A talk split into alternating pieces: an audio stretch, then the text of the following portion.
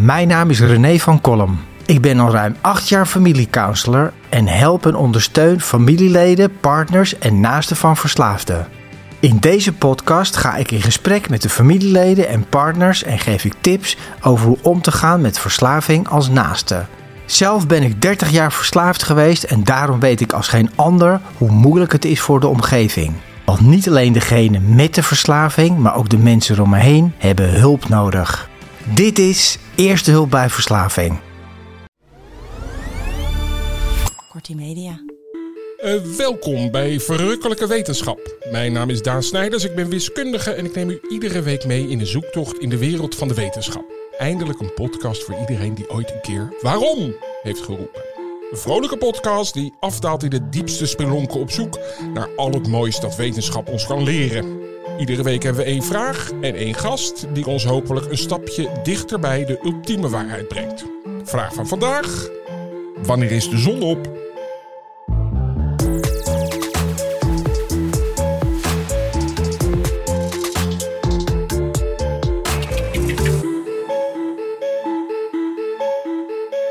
Hoe vind je hem, Marlijn? Ja, ik heb nu al verwarring. Wanneer is de zon op? Wanneer gaat de zon op? Of is hij op qua energie? Ja, nou dat is heel mooi. Dat kunnen we op twee manieren aanvliegen. Het gaat eigenlijk om die laatste natuurlijk. Wanneer is hij opgebrand? Maar ik vond het wel leuk om een beetje hem zo cryptisch uh, voor te leggen. Ja. Van wanneer is hij eigenlijk op? Want daar heb ik ook nog, gedaan. heb ik ook nog een grappig antwoord op. Namelijk van wanneer is hij op? Dat is namelijk voordat je ziet dat hij op is. Opgekomen dan in dit geval. Marlijn, ik wil je even meenemen naar het Louvre. ja? Tuurlijk joh. Even, Reis weer die wereld even over. wereld Parijs. Dat is namelijk mijn favoriete museum. Tenminste, een stukje daarvan. De Richelieu-vleugel. Daar heb je Egyptische kunst. Prachtig. Ja. Al die beeldjes. En een van die beeldjes is een beeld van de god Ra. De zonnegod. Daarom wil ik het daar eventjes over. Ra. Een klein stukje mythologie.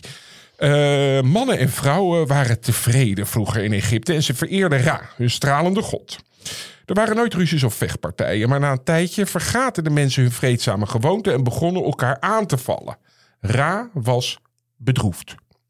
Ik wil niet langer leven in deze wereld, zei hij. En hij rees omhoog, hoger en hoger naar de hemel, waar hij op een boot stapte om over de hemel te varen.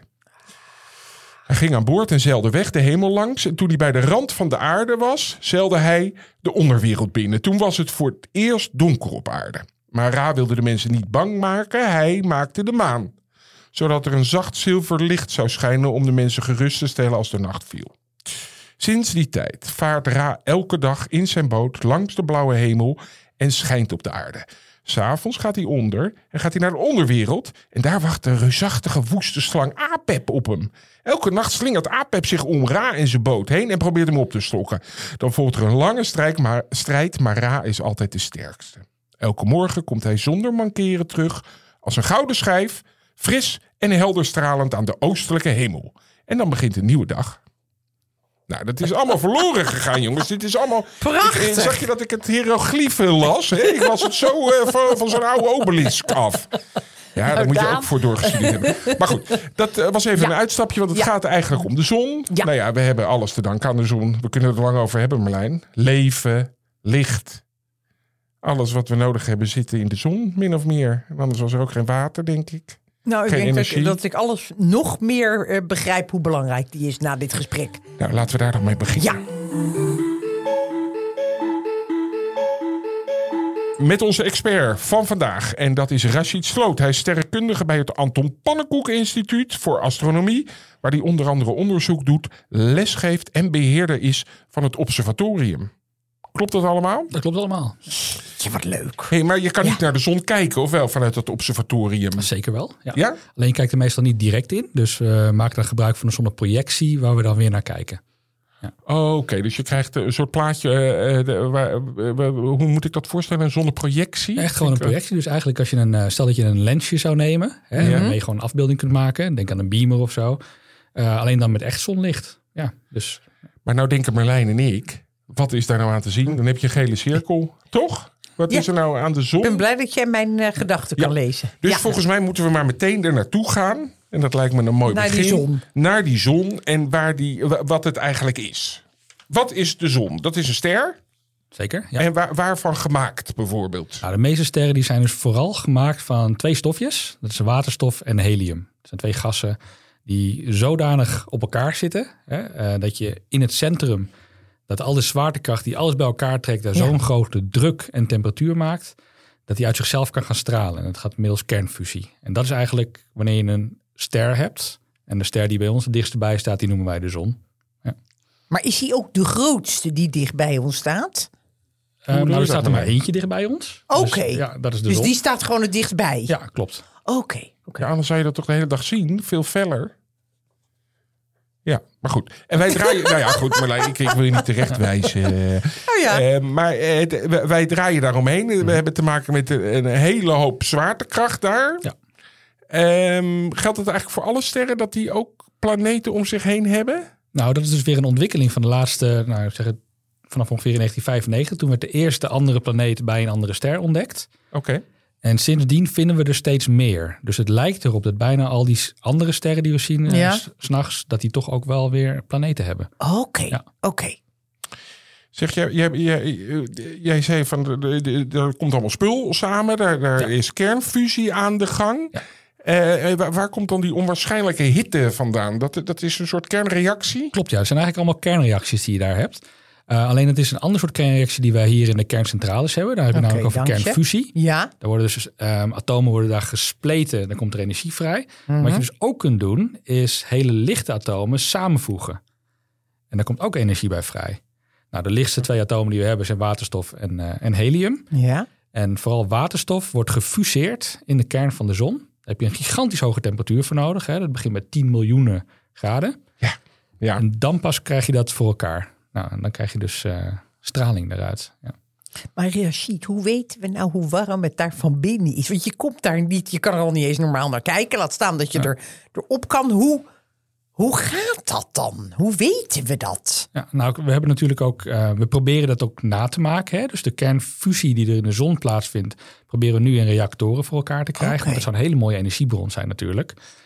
Ehm, en daar merk je, kijk, die deeltjes, die, zullen, die stoten elkaar af. Hoe dichter ze bij elkaar komen, hoe verder ze, hoe harder ze zeg maar, eh, elkaar afstoten. Net als twee magneetjes die je tegen elkaar aan probeert te drukken. Mhm.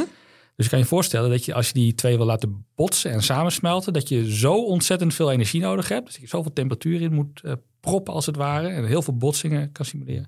En dan pas krijg je dus dat kernfusie op gang. En dat kunnen we hier nadoen in het laboratorium. En dat wordt ook gedaan eh, in kernfusiereactoren bijvoorbeeld. Ja. Ja.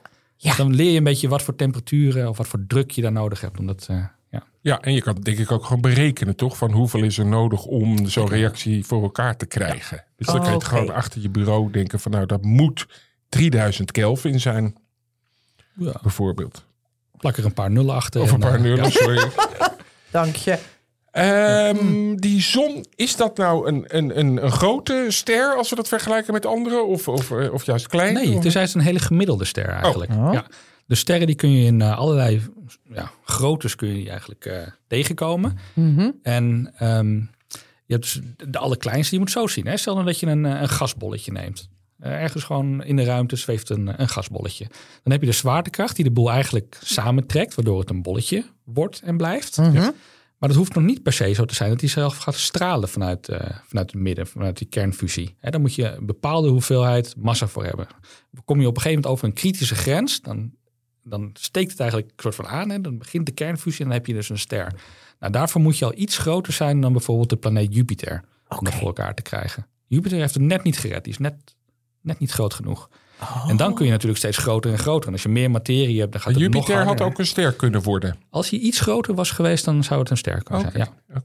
En dan is het nu nog een planeet. Ja, Ja. dat is wel een beetje raar eigenlijk. Is het wel een planeet? Ja, maar het is een gasplaneet. Het is een gasplaneet, Ja. ja. Dus je kan er niet op lopen, Marlijntje.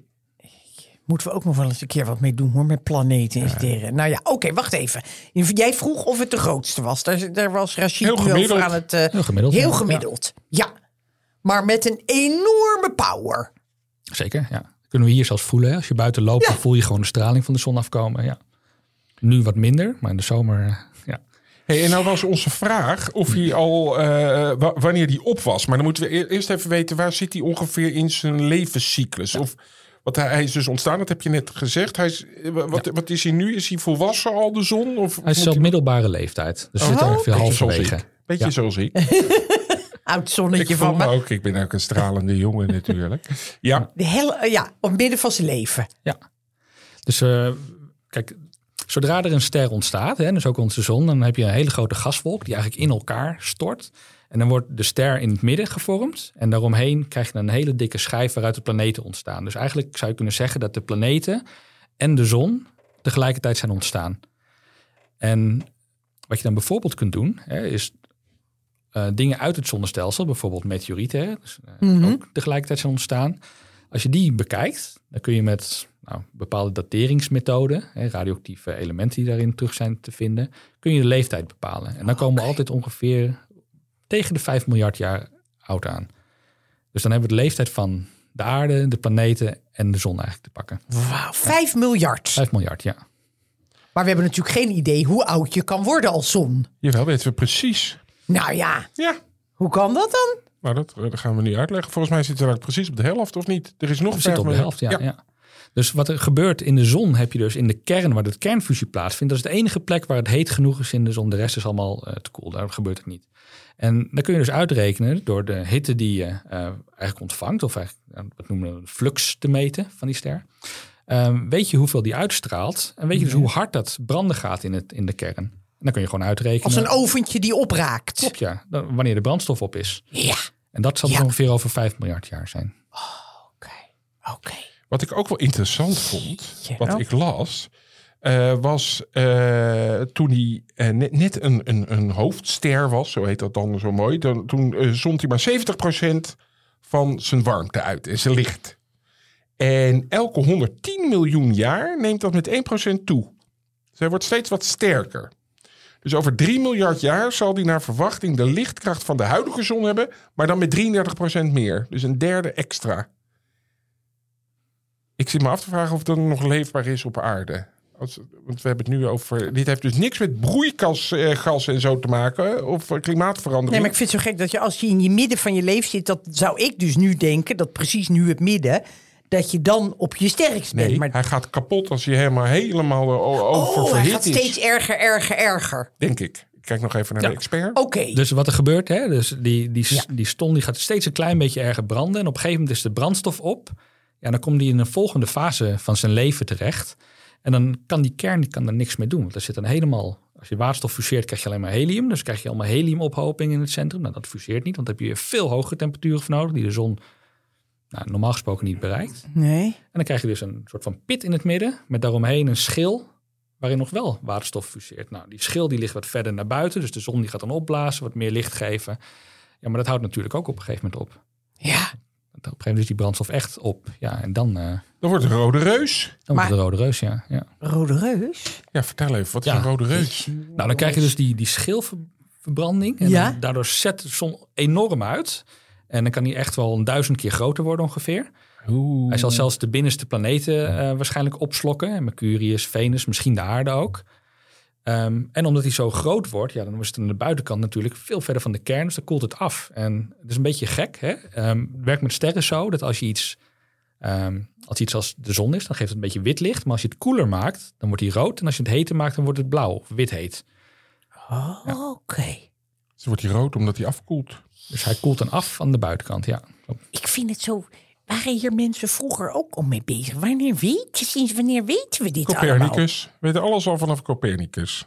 Nou, Daan. Nee, hè? Of wel? Nou ja, die, die was daar wel flink mee bezig toen de tijd. Nou, Copernicus was, had, die hield zich vooral bezig met hoe de planeten, in de, eh, dus, zeg maar de planeten om de zon heen draaiden. Ja. Ja, maar het echte eerste zonneonderzoek kwam Ja? toch wel een beetje later in de, rond de 16, eh, 1600 ongeveer. Met eh, Galileo en ook de ontdekking van de telescoop. Fascinerend, hè? Mogen we nog Ja. even verder van de Rode Reus? Want dat krijgen we natuurlijk na de Rode Reus. De Witte Dwerg. De witte dwerg. Ja, wat van, van rood gaat hij naar wit. Nou ja, Of niet? Hoe, zit- hoe zit dat? Want we- we zijn nu dus helemaal opgeblazen. Hij heeft de aarde misschien, maar in ieder geval de binnenste Mhm. planeten opgeslokt. Ja. Hij heeft eh, rood omdat hij wat afgekoeld is. Mhm. Ja, En dan wordt hij een witte dwerg. klopt ja. Dus die, die schil waar tot nog de waterstofverbranding in zit, hè, dat zorgt ervoor dat die pit in het midden van helium ook weer steeds heter wordt. En op een gegeven moment kan die nog weer een hoge temperatuur, dat het helium ook weer gaat fuseren. Nou, dat kan in de zon heel eventjes gebeuren. En daarna blaast hij gewoon zijn hele schil, de buitenste lagen, blaast hij gewoon weg. Nou, dan heb je dus nog die pit die overblijft in het centrum. Ja, die heeft eh, nou, de zwaartekracht van de materie eromheen niet meer. Dus die gaat langzaam afkoelen. En dan krijg je dus wat je noemt een, eh, een witte dwerg. Ja. Kan die ook een zwart gat worden? Of is die Nee, daar is de zon niet eh, zwaar genoeg voor. Ja. Dan moet je toch echt een zwaardere ster hebben. Hey, ik had dus gezegd, ja, het is even even, een ik ben trip. nu We- al- we zit hebben er al vijf- helemaal in. We hebben 5 miljard hebben- jaar, eh, of 10 miljard jaar hebben we nu doorlopen. Ja, Van, ja. van geboorte. Ja, maar ik vind dat rode reus en witte dwerg... Nou, dat moet ik toch even, even goed onthouden. Ja, en het zet alles ook best wel in perspectief, vind ik altijd. Hè, want eh, we zullen nooit eeuwig bestaan. Dus valt er niks aan te doen als dat ding ontploft. Uit elkaar spat. Nee, nee, Maar, nee. goed, dat is maar wel, dat eh, is wel heel ver weg. Het is wel ver weg, maar we zijn wel op de helft. Hey, eventjes over eh, wanneer, eh, wanneer is de zon op? Toen zei jij al terecht van dat vind ik een hele ambiguë titel. Hè? Wanneer is de zon op? De zon is namelijk eigenlijk, als je gewoon kijkt wanneer die opkomt, eh, zien wij dat pas acht minuten later dan dat die eh, echt is, is al een keer langsgekomen in Nou, nou, maar dat vind ik wel leuk, want die, Ja. want die tijd Ja. dat, dat, dat het Dat licht erover doet, is Ja. acht minuten. Ja. Ja, dan is hij eigenlijk al op. Ja, En is het nou vooral... eh, Ik zit even aan een gloeilamp te denken. Want die, die verbruikt heel veel warmte. En die eh, eigenlijk meer... eh, die oude peertjes meer warmte dan dat ze licht geven. Is dat een soort evenwicht bij de zon? Of is het vooral warmte wat die afgeeft? Of vooral licht waar de energie naartoe gaat? Het is een beetje hetzelfde eigenlijk. Want Oké. eh, kijk, je kan warmte kan je op een paar manieren kan je transporteren. Hè? Gewoon in de natuur in het algemeen. Eh het eerste kan je het met straling doen. En straling heb je van, in allerlei soorten en maten. hè. Je hebt eh, de hele korte straling, die geeft vooral eigenlijk UV-licht of eh, röntgen of dat soort dingen. Dan heb je het stukje wat wij kunnen zien. En als je een nog langere straling krijgt, dan eh, zit je in het infrarood of in het radio. Maar dat infrarood, dat, dat merken wij dus als warmte. En een klein stukje hoge energie, dat merken we dus als licht dat we kunnen zien. Dus het is maar net eh, waar wij gevoelig voor zijn. ja. Ja, en dat is ook de enige manier dat de warmte bij ons kan komen. Want de andere manier is dat je het via geleiding doet bijvoorbeeld. Of dat je hele hoeveelheden gas naar ons toestuurt. Nou, dat gebeurt niet, of in veel mindere mate. Ja. Dus het is vooral straling wat wij voelen van de zon. Ja. En waar is hij dan het warmste? Is dat meteen aan het oppervlak of helemaal binnenin? Of... Helemaal binnenin zijn de temperaturen echt eh, een hoogste. Dan moet je denken aan een 15 miljoen graden ongeveer. Wow. 15. Dat is wel echt wel heel heet. Dan mogen ook- we blij zijn dat hij nog niet zo warm veel stra- uitstraalt. Nee, we kunnen alleen nu Want anders was je eigenlijk. verbrand. Ja. En daarvoor konden we ook niet, want toen was hij te slapjes. Ja, ja. Hey, maar dan heb ik ook wel eens gehoord dat, dat, dat, de- dat de, eh, de oppervlakte dan minder heet is dan eh, eigenlijk daar, daar, daar vlak boven de zon. Ja. Dus, Dus- dat vind ik heel raar altijd. Je bedoelt dat er bovenlaagje. Ja, ik weet even de, wo- wat is het woord daarvoor? De, de- ik wil aureool zeggen, maar dat is heel slecht. Nou, het is de, de echte corona De eigenlijk. corona, ja. God, ja, dat woord vergeet ik ook snel, corona. Nou, gelukkig kunnen we het nu in een andere context Ja. gebruiken. Ja. We kunnen het eindelijk even gewoon rustig over corona hebben. De corona van de zon, hè, Ja. dus daar vlak omheen. Waarom is het daar zo veel heter dan, dan de oppervlak van de zon? Ja. Dus eigenlijk, hè, als we er even een temperatuurreis maken vanaf het Ja. centrum naar Heel buiten. graag. Dan begin je dus met een 15 miljoen graden. En dan aan het oppervlak is het afgekoeld tot ongeveer 6000 graden. Dus dat is al een gigantisch verschil. Nou, aan het oppervlakte, daar wordt het ook een stukje eiler, het gas. Hè? Het, is, ehm, ja, het is gewoon niet meer zo dicht, niet meer op elkaar gedrukt. Dus wat daar gebeurt is, je hebt gigantische magneetvelden in de zon. Die zorgen ervoor dat die, al dat gas wat daar zit, dat die dat ja, soort van eh, kan aanslingeren, om het maar even zo te noemen. En dus ook steeds heter en heter maken. Ja, en dat kan zijn warmte dan niet meer kwijt, want het is zo'n ijl gas. Die deeltjes die kunnen niet meer botsen. Dus het kan alleen maar warmer en warmer en warmer worden. En dan kun je wel temperaturen halen van weer een paar miljoen eh, graden als je dus in die corona komt. Oké, dus je hebt even een, fris stukje en dan wordt het weer eh, heter. Ja, zoiets. Ja. Ja, dat vind ik ook wel interessant van waar het dan gemaakt van is. Ja. Eh, want bijvoorbeeld de draaiing, Marlijn. Ik doe ook af en toe eventjes een leuk weetje naar mijn zus toe. Hallo Marlijn. We weten Rashid al lang, maar dat kom ik Verschillende. Ja. Bij de aarde is het makkelijk. Die draait in één dag rond. En dat gaat net zo snel op Rio de Janeiro als op de Noordpool. Ja. Het draaien van de Nee, aarde. dat snap ik, dat snap ik. Verrassend genoeg werkt dit bij de zon anders. Wetenschappers kunnen de draaitijd meten door bepaalde uiterlijkheden van de zon in de gaten te houden. En dan kwamen ze erachter dat rond de evenaar van de zon eh, duurt het ongeveer 25 dagen voordat dat rond is gegaan. Terwijl dat bij de polen 36 graden, eh, 36 dagen duurt. En het onderliggend gebied van de zon, dus de kern, doet er ongeveer 27 dagen over. Dus dat geeft mij een beetje idee dat het een soort ja, smurrieachtig geheel, gassen. Dus je hebt verschillende snelheden. Dat vond ik wel interessant. Ontzettend, ook omdat je dat helemaal niet kan bedenken als het een bol is. Nee, dan denk Dat je, gaat dan- allemaal samen. Ja. Maar dat het blijft, het is een soort windenwaai. Zo noem ik het. Ja, zo ongeveer wel, ja. Ja, dit is ook wel een heel interessant punt. Want kijk, je hebt dus in het midden die, die pit waar lekker de kernfusie bezig is. Ja. Dat noemen we de kern.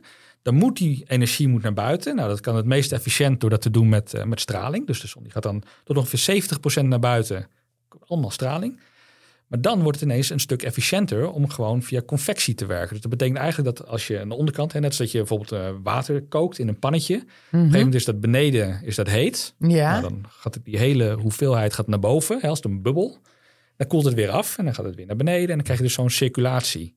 Nou, dat is de laatste 30%. En dan komen al die lichtdeeltjes, die fotonen, die komen dan bij het oppervlakte aan.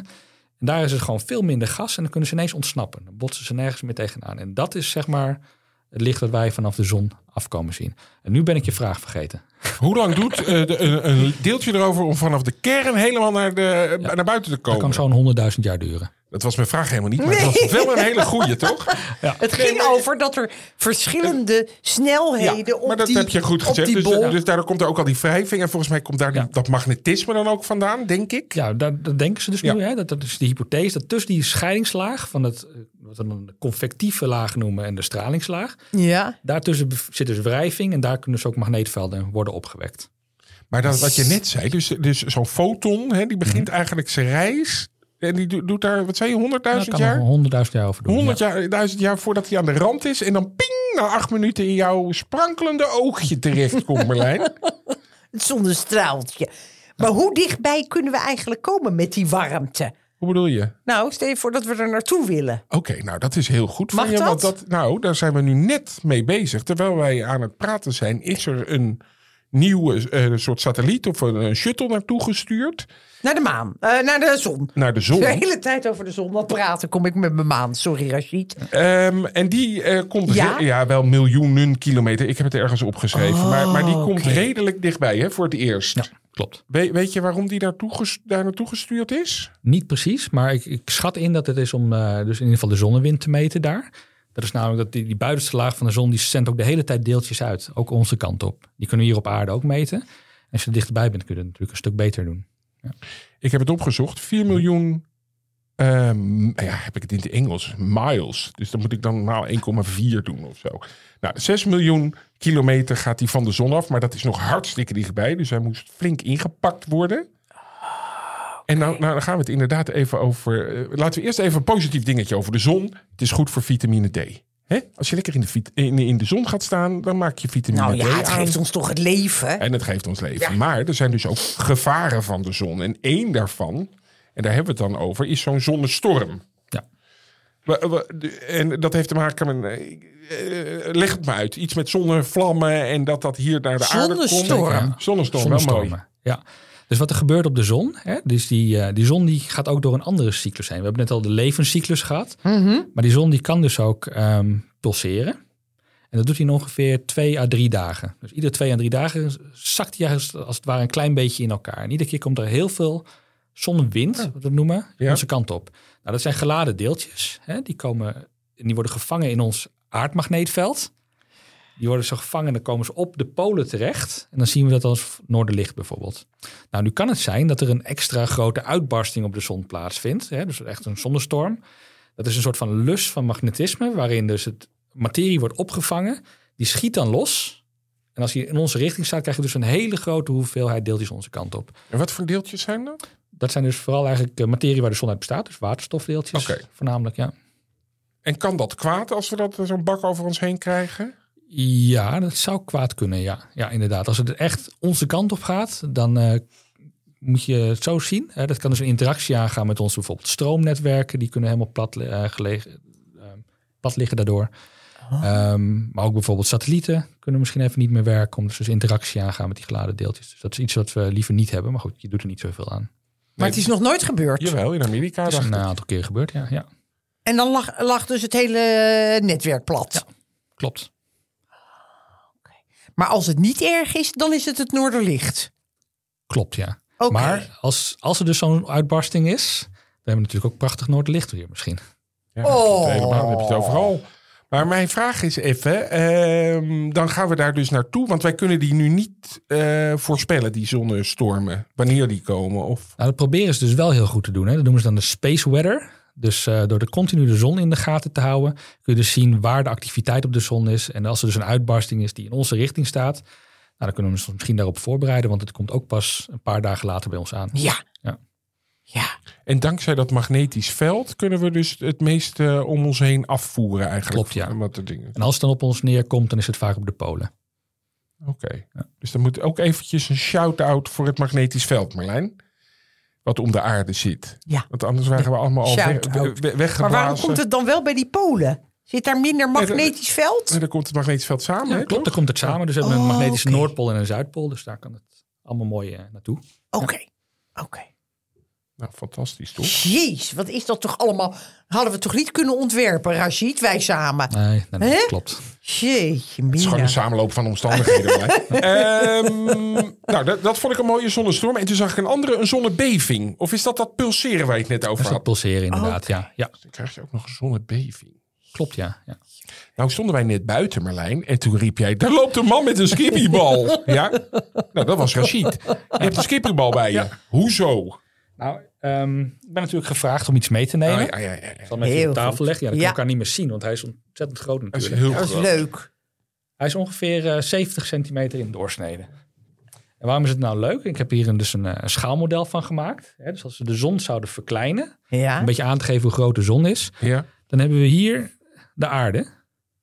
En dat is een kraaltje die ik uit mijn eh, dochters kralendoosje heb meegenomen vanochtend. En die is eh 5,5 millimeter. En dan klopt het precies dat de schaal van de zon naar de aarde ongeveer Nee! Ja, ja, Marlijn. Zo klein zijn wij.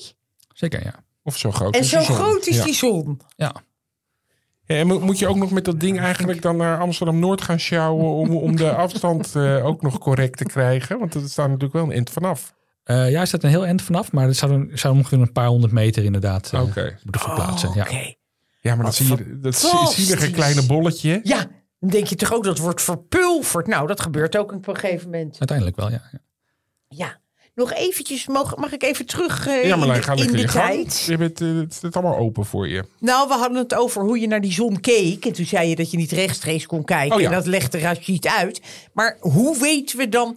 Kijk, wat bij de maan heb ik wel een voorstelling. Daar, daar kan je gewoon, hè, dat heb je wel eens gezien op een foto. Maar Mhm. eigenlijk weet ik van de zon niet hoe ze eruit ziet qua oppervlakte. Qua oppervlak. Ja, nou, dat is dus eigenlijk heel simpel. Misschien ken je wel de camera obscura.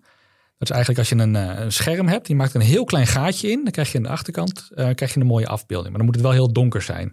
Ja. Nou, dat principe kun je, hebben ze later dus ook eh, lenzen voor gebruikt. Nou, dan kun je een grote lens gebruiken, wat het licht mooi focuseert. En dan kun je gewoon een afbeelding maken van de zon. En dan, hè, dan komen natuurlijk de leuke dingen. En dan is het ineens niet een geel schijfje. Dan zie je er stipjes op bijvoorbeeld, wat, dan, wat we dan zonnevlekken noemden. En wat zijn die zonnevlekken? Nou, die zonnevlekken, daar eh, heb Is ik ook dit mooi, wat je ermee hebt? heb Oh ik ja. een eh, mooi plaatje van meegenomen. Het zijn dus plekken waarvan de magneetvelden... Kijk, bij de aarde hebben we eigenlijk vooral ehm, van die magneetvelden die uit de Noordpool komen... dan weer de Zuidpool ingaan. Maar bij de zon, vanwege dat differentieel roteren... hè, dat, Ja, dan, eh, dat, dat, wordt, eh, dat heb ik net geïntroduceerd, Marlijn. Ja. Differentieel Dat ik. roteren. Dat, dat het ene langer draait dan het andere. Dat is lekemanspraat. sneller, eh, ja, het gaat sneller bij de evenaar, dat is het eigenlijk. Ja. Maar daardoor kunnen die Sorry. magneetveldlijnen die er doorheen lopen, die kunnen een beetje ja, bij elkaar gaan, hè, bij elkaar worden geduwd. Dan ontsnappen ze soms uit het oppervlakte. En dan krijg je een soort van mini Noord- en Zuidpool uit het oppervlakte. Nou, en op die plekken, daar kan je dus een zonnevlek krijgen. Ja. Ja. En dat is gewoon, als ik eventjes mag Ja, we hebben hele mooie foto's hier Ja, liggen van, van heel dichtbij. Maar dat is een soort navel, zou ik willen zeggen. Ja, oh, nou, zou kunnen, oké. ja. En dan zit daar omheen meer, meer Zonnevlammen. vuur of vlammen? Want wat zit hier dan? En dat ook vlammen? Ja, zeker. Dus wat er gebeurt, hè, je hebt van die lussen die eruit komen, die er weer in gaan. En langs die lussen kunnen dus allemaal materie bewegen. Nou, dan noem je dat de zonnevlam. Als die aan de rand zitten van de zon, die kun je dus zo heel mooi zien, eh, zien zitten. Ja. Maar als ze dus gewoon op de zonneschijf zitten, als je er tegenaan kijkt, ja, dan ziet het er net een beetje anders uit. En dan kan het dus van die, eh, ja, een beetje van die sliertjes zijn die je dan eh, die dan ziet. En, en, en hangen daar ook die zonnestormen mee samen dan? Ja, zeker. Kijk, eh, wat er meestal gebeurt is, dat gaat eerst komt er een, eh, ja, een soort van kortsluiting op het oppervlakte, waardoor het heel erg heet kan worden. Nou, dan ontsnapt al dat gas naar boven, hè, want het wil toch ergens heen gaan. Mhm. Wel via die magneetvatlijn, want ze mogen niet anders bewegen volgens de natuurwetten. Dan doen ze dat, maar zodra er te veel gas in zit, dan kan het zo zijn dat die magneetvatlijnen knappen en dat ze eigenlijk als een soort van uitbarsting eh, de ruimte ingaan. En Door de krijg- druk. Kna- knappen Ja, ze dan zo- of ja, niet? zo zou je het zien. Ja. Oké. Eh, Nee? ik denk het niet. Nou, Nou, ik, is heel aardig tegen mij. Het is zegt gewoon ja. een, onstabiele samen. Dat kan gewoon stoppen, denk ik. Ik weet, er is geen druk daar. Oké, oké. Nou. Hm. Ja. Vraag maar, Daan. Ja, ik wilde toch nog even, want ik, ik, zie, ik zie nog meer hier op, eh, op de tafel liggen. Zijn er eigenlijk nog, nog vragen rond die zon? Los van alle vragen die wij op je afvuren. Maar, maar, maar weten we alles van de zon? Hoe het werkt? Hoe, eh, de- we hebben nu, nu een soort lijn getrokken van hoe lang die nog te leven heeft. Maar eh, weten we ook waarom het zo heet is? Weten we ook waarom hij zo draait? Is dat allemaal duidelijk? Of? Nee, kijk, een van de grote vragen is natuurlijk wat gebeurt er met de activiteit van de zon? Want dat is wel weer een leuk bruggetje naar eh, wat doet de zon nou eigenlijk met ons op aarde? En die zonnevlekken die zijn dus al 400 jaar geleden zijn die al door, eh, vanaf Galileo eigenlijk zijn die bijgehouden. Ja, En wat blijkt nou? Er zit een soort van activiteitscyclus in van ongeveer 11 jaar. ja. Dus we zien dat er een, eh, Sorry. Ja, misschien is het dat wel. Ja. Ja. Ja. Maar dus in die 11 jaar, wat Ja. er gebeurt is, dan is de zon eerst heel stil. Dan zie je bijna niks op het oppervlakte. Dan is het dus wel een saai geel schijfje. Ja. Dan neemt op een gegeven moment de activiteit toe. Dus dan krijg je van die zonnevlekken. En dat worden er steeds meer en meer en meer. En dan neemt de activiteit weer af. En dan denk je van, nou, dan zijn we weer terug bij af. En dan gebeurt het nog een keertje. Hè? Dan heb je dus een cyclus van, eh, ja, het blijft dus iedere keer door de geschiedenis blijft het zich herhalen. Ja. En ehm, als je dus veel zonnevlekken ziet, betekent dat er veel activiteit is op de zon. En daar heb ik dus wat plaatjes van meegenomen. Oh ja. En daar zie je dus eh, de zon in allerlei verschillende kleuren. En dan hebben we hier één plaatje waar je dus de mooie gele schijf ziet. Ja. Met In een, rust. een klein vlek. Nou, niet echt Oh in ja. rust. Als je Nee. heel goed kijkt, dan zie je dat Ja. er een, eh, nou, een stuk of vijf vlekjes kun je daar wel op tellen. Hier een paar en daar. En dat zijn dus actieve plekken.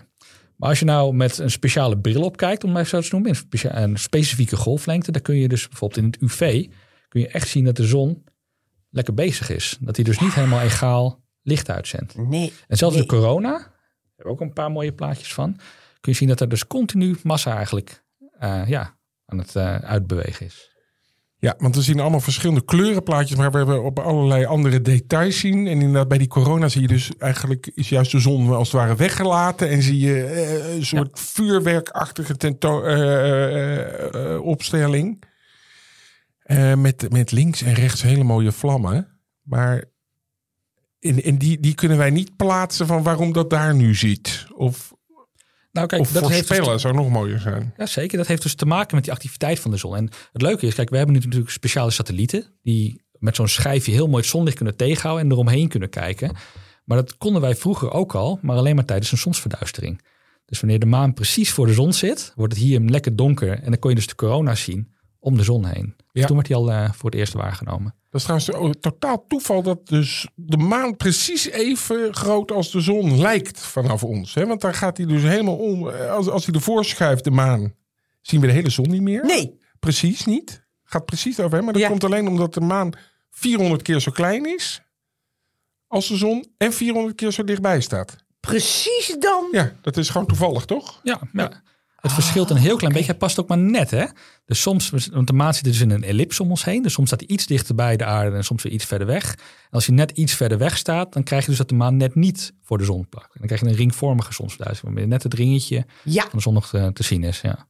En, en is, is dat een spannend moment voor, een- voor een zonne-expert, de zonsverduistering? Nou, het is altijd leuk natuurlijk. Ja, het is altijd heel leuk. Ik, ik ben er toen bij geweest in Frankrijk. Was er ook met, met jou? Ja, met mij. Ja, op die Dat berg. was raar, hè? Ik kreeg een soort jetlag van een dag. Ik dacht opeens is het... En, en overal ging de zon op om je heen. Dat vond ik wel te gek. Heb jij het wel eens gezien of niet? Nee, ik was toen nog in Nederland. Oh. Dus ja, ik had hem maar voor 80% meegemaakt. Ja, nee, En dan wordt het dus niet mooi donker, nee, helaas. Nee. nee, het werd even helemaal donker. En dan zag je om je heen overal de zonsopgang. Omdat Ja. je dus in die schaduw zat. Het was heel raar. En ook de vogels Nou, dat vond ik het, het gekke. Ineens was alles stil. De natuur wordt stil, hè? Ja. Terwijl die dag, het was gewoon midden, midden op de dag. Ik heb nog wel een prangende vraag. Want Oh. ik, sna- ik, denk, ik denk de hele tijd dat moet toch veel sneller op, opbranden? Knagende vraag. Ja. Eh, waar, ik, je zou toch denken, van er is een enorme kernfusie aan de gang daar Klopt. binnenin. Dat, Ja. dat is in, in, in een week is die zon op. Maar er wordt dus maar een heel klein beetje eigenlijk relatief Nou, gebruikt. de zon is heel groot. Zoals Ja, ik het net al een beetje waar. heb geprobeerd te illustreren. Dit kleine balletje is de aarde. Nou, om een beetje een idee te krijgen hoe groot de aarde is. eh, ehm, maar de dat zon je is nog 5 een, miljard of 10 miljard jaar kan branden, vind ik zoveel. Ja, dat is veel. Maar dat is dus het verschil tussen de zon en andere sterren. Hè? Stel dat je een ster die wat kleiner maakt, dan gaat, staat het vuurtje minder hard, om het zo maar even te zeggen. Mhm. En die kunnen wel 25 of 50 miljard jaar oud worden. Terwijl de allerzwaarste sterren, hè, 100 keer zo zwaar als de zon, ja, die kunnen misschien maar een 100.000 jaar leven. Dus er zit een heel groot verschil in maximale leeftijd die ze kunnen, Ja. kunnen halen. Rashid, wat zou je nou zelf nog willen vragen over de zon? Over de zon? Ja. Nou, Dat wat je, ook wel wil, willen. nee, Ja. wat je zelf zou willen weten nog over die zon. Het kom er niet meer uit. Snap je waarvan Ja. je denkt, nou dat, dat zit me nog dwars. Nou, waar ik heel erg geïnteresseerd ben, zijn dus die vlammen, die uitbarstingen die er plaatsvinden op de zon. Want Mhm. we zien die, dat soort uitbarstingen dus ook bij andere sterren. En ehm, kijk, mijn onderzoeks, eh, waar, ik, waar ik zelf mee bezig ben, dat Ja. focust zich dus op die uitbarstingen bij, maar dan niet zonachtige sterren, maar de allerkleinste sterren die we kunnen zien. En die uitbarstingen zijn relatief ook weer veel groter. Nou, we hebben net al kort gehad over wanneer, waar die planeten zich bevinden. Hè, de, de exoplaneten, die dus buiten onze zonnestelsel zijn. Ja, moet je je voorstellen hè, dat je dus een ster hebt, heel ver weg, die veel koeler is dan de zon, maar misschien maar 3000 graden in plaats van 6000 graden. En dat er een heel planetenstelsel omheen zit, met planeten die ook veel dichterop staan. Ja, wat gebeurt er dan eigenlijk als je daar eventueel leven zou hebben met een ster die continu aan het uitbarsten is? Ja, Ja, dus ik ben vooral eigenlijk wel geïnteresseerd in die uitbarsting op de zon. Dus de zonnevlammen die er ontstaan. Ja. ja, ja. Ja, dat is wel gaaf, want we hebben het de hele tijd natuurlijk over de zon, maar dat is maar één van de sterren.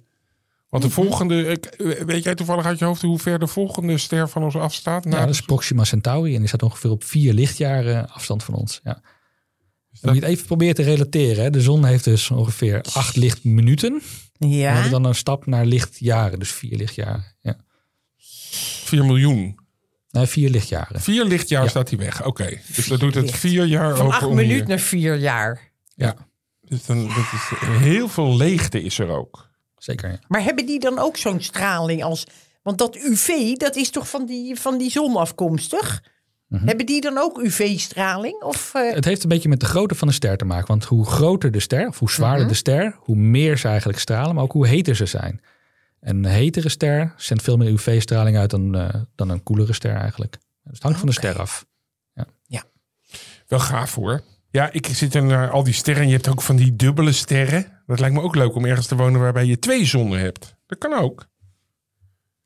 Vlak bij elkaar, die om elkaar heen draaien. En daar dan weer planeten tussen. Hoe vind je het, Marlijn? Twee zonnen? ja, maar je kan ergens wonen, maar je bedoelt niet hier in Breda. Nee, dat is bij, bij- verder dan Breda. Ja, hele A27 moet je af. Nee, dat is... Het is gewoon ergens anders. Dat is in ergens het dat- heelal. Ja, maar ik wilde juist even duiden dat het maar een ster is. De zon. Het is onze zon. Maar denk, zijn er meer zonnen? Ja, wij- natuurlijk. ja. Want die zeggen, ja, als een ster is die ook zo brandt, dan is dat natuurlijk ook weer een zon. Ja. Alleen noemen wij dat de zon. Noemen Misschien wij dat aan deze het begin de moeten zeggen. Ja, Ja, eigenlijk zijn er heel veel zonnen. elke ster is een zon. Ja. En onze zon is Elke een ster. ster is. Nou, zie je, dat had je toch eigenlijk even in het begin moeten zeggen. Ja. Ik, ik eindig nog eventjes eh, dat hij 1,4 miljoen kilometer doorsnede heeft. De zon. Dus dat was die skippybal hè, waar we het net over Ja, hadden. en die kraal. Nou, En dat dat dus eigenlijk een soort Ah. wankel kernreactor ding is... wat de hele tijd waar wij omheen vliegen. Dat vind ik toch wel mooi. En dat, dat daar al het leven vandaan komt. nou, en wat ik ook wel. Ik, kijk, ik zie dat natuurlijk omdat ik ook natuurlijk Rashid met een skippybal binnen zag komen. als een totaal aan elkaar vastgeplakt geheel. Echt een bolletje. Maar dat is dus eigenlijk. Nee, het is echt een gasbol, hè? Ja, ja, zo'n gasbol. Nou, daar ben ik nou wel. Dat, dat heb ik heel erg geleerd vandaag. Een gasbol. Mooi. Hey Rachid, ik dank je ontzettend voor je komst. Je hebt Ja, ons eh, heel erg eh, weer eh, in de diepte gegooid. En, en, en een nieuw respect voor de zon, moet ik zeggen. Praat ik nog even na met mijn zus. Hallo Marlijn. Ja, leuk hè? Ja, Ja. hartstikke leuk. Ik Ja. heb nog een eh toontelligen. Ach, Toon. Leuk hè? Die Ja. lees ik vaak voor aan mijn zoon. Eh, die is eh, negen, maar dit vind ik allemaal, dit is voor iedereen ontzettend leuk. Dat is namelijk Uit het boek Is er dan niemand boos? De klipdas. Elke avond als de zon onderging, klom de klipdas op een klein heuveltje en riep: Niet ondergaan, niet doen. Wil je dat eens laten? Ik waarschuw je. Hij zwaaide met zijn vuisten, sprong op en neer en kreeg tranen in zijn ogen van woede. Maar de zon ging altijd onder. Wel ja, ondergaan, hou er toch eens mee op. En weer ging hij onverrichte zaken naar huis. Zo leefde de kliptas. Tot hij schoor was van het schreeuwen en moe van het stampvoeten. Toen keek hij de zon alleen nog maar verwijtend aan, s'avonds op zijn heuveltje. Hij weet wat ik vraag, dacht hij. Hij weet dat hij mij één keer een plezier kan doen. Eén keer op ontelbare keren. Dat is toch niks? Maar hij luistert niet. Hij schudde zijn hoofd. Trouwens, dacht hij, is er wel iets dat naar me luistert? Overal om hem heen lag de steppen. De hemel was groot en leeg en in de verte was het laatste restje van de zon achter de horizon verdwenen. Zover de klipdas kon nagaan, luisterde er niets. Mooi hè? Fragment uit de klipdas. De clip. Ja, de klipdas. Uit het boek Is er dan niemand boos? Hij gaat elke dag weer op en, eh, Ja. eh, en weer Ja, onder. ja, daar kan je niets aan doen. Net zoals Ra. Ja, ja. Tot, totdat die gek eh, Nokpok, of hoe die eh, slang ook heet. Hè? Weet je wel, die elke nacht in de Ja, onderwereld zich mee. omheen. Maar ik vind het, ik zie nog even die kraal daar liggen. Hoe, hoe treurig dat wij daar dan allemaal op die kraal leven. Ja. En dan hier die skipiebal, waar niets op leeft. Nee, het is knijterheet. knijter. Een derde van de mensen ervaart de zogenaamde eh, fotische niesreflex. Heb je daar ook eh, mee te maken? Ze moeten niezen als ze worden blootgesteld aan zonlicht. Dat heb ik ook.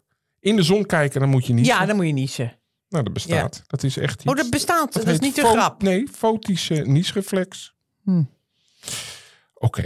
Nou, ga er weer lekker nog eventjes in staan. Altijd aan de zonnige kant van de straat lopen, Merlijn. Als, eh, Als dat- tip van de week. Nou, dat is een beeldspraak. Gewoon hoe je leeft, Oh. Merlijn.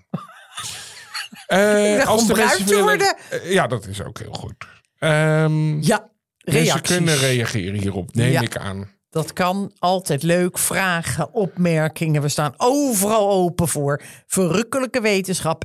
kortimedia.nl Kortie met een C. Of abonneer u op uw leukste podcastabonnement. En dan abonneer u op onze podcast.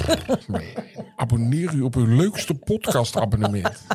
Ik had het even over door jou, Nee, dat Daap. gaat, nou ja, niet zo flauw. Op een platform naar keuze. Op een Mensen, eh, ja, tik dat vinkje aan, abonneer je. En dan krijg je hem ook elke keer automatisch vers in de bus. Op de donderdag heb ik gehoord. Ehm, nou, en we krijgen hele leuke reacties. En daar heel erg voor bedankt. En dan hopelijk eh, volgende week weer zo'n prachtige gast. En dan hebben we het weer over iets totaal anders.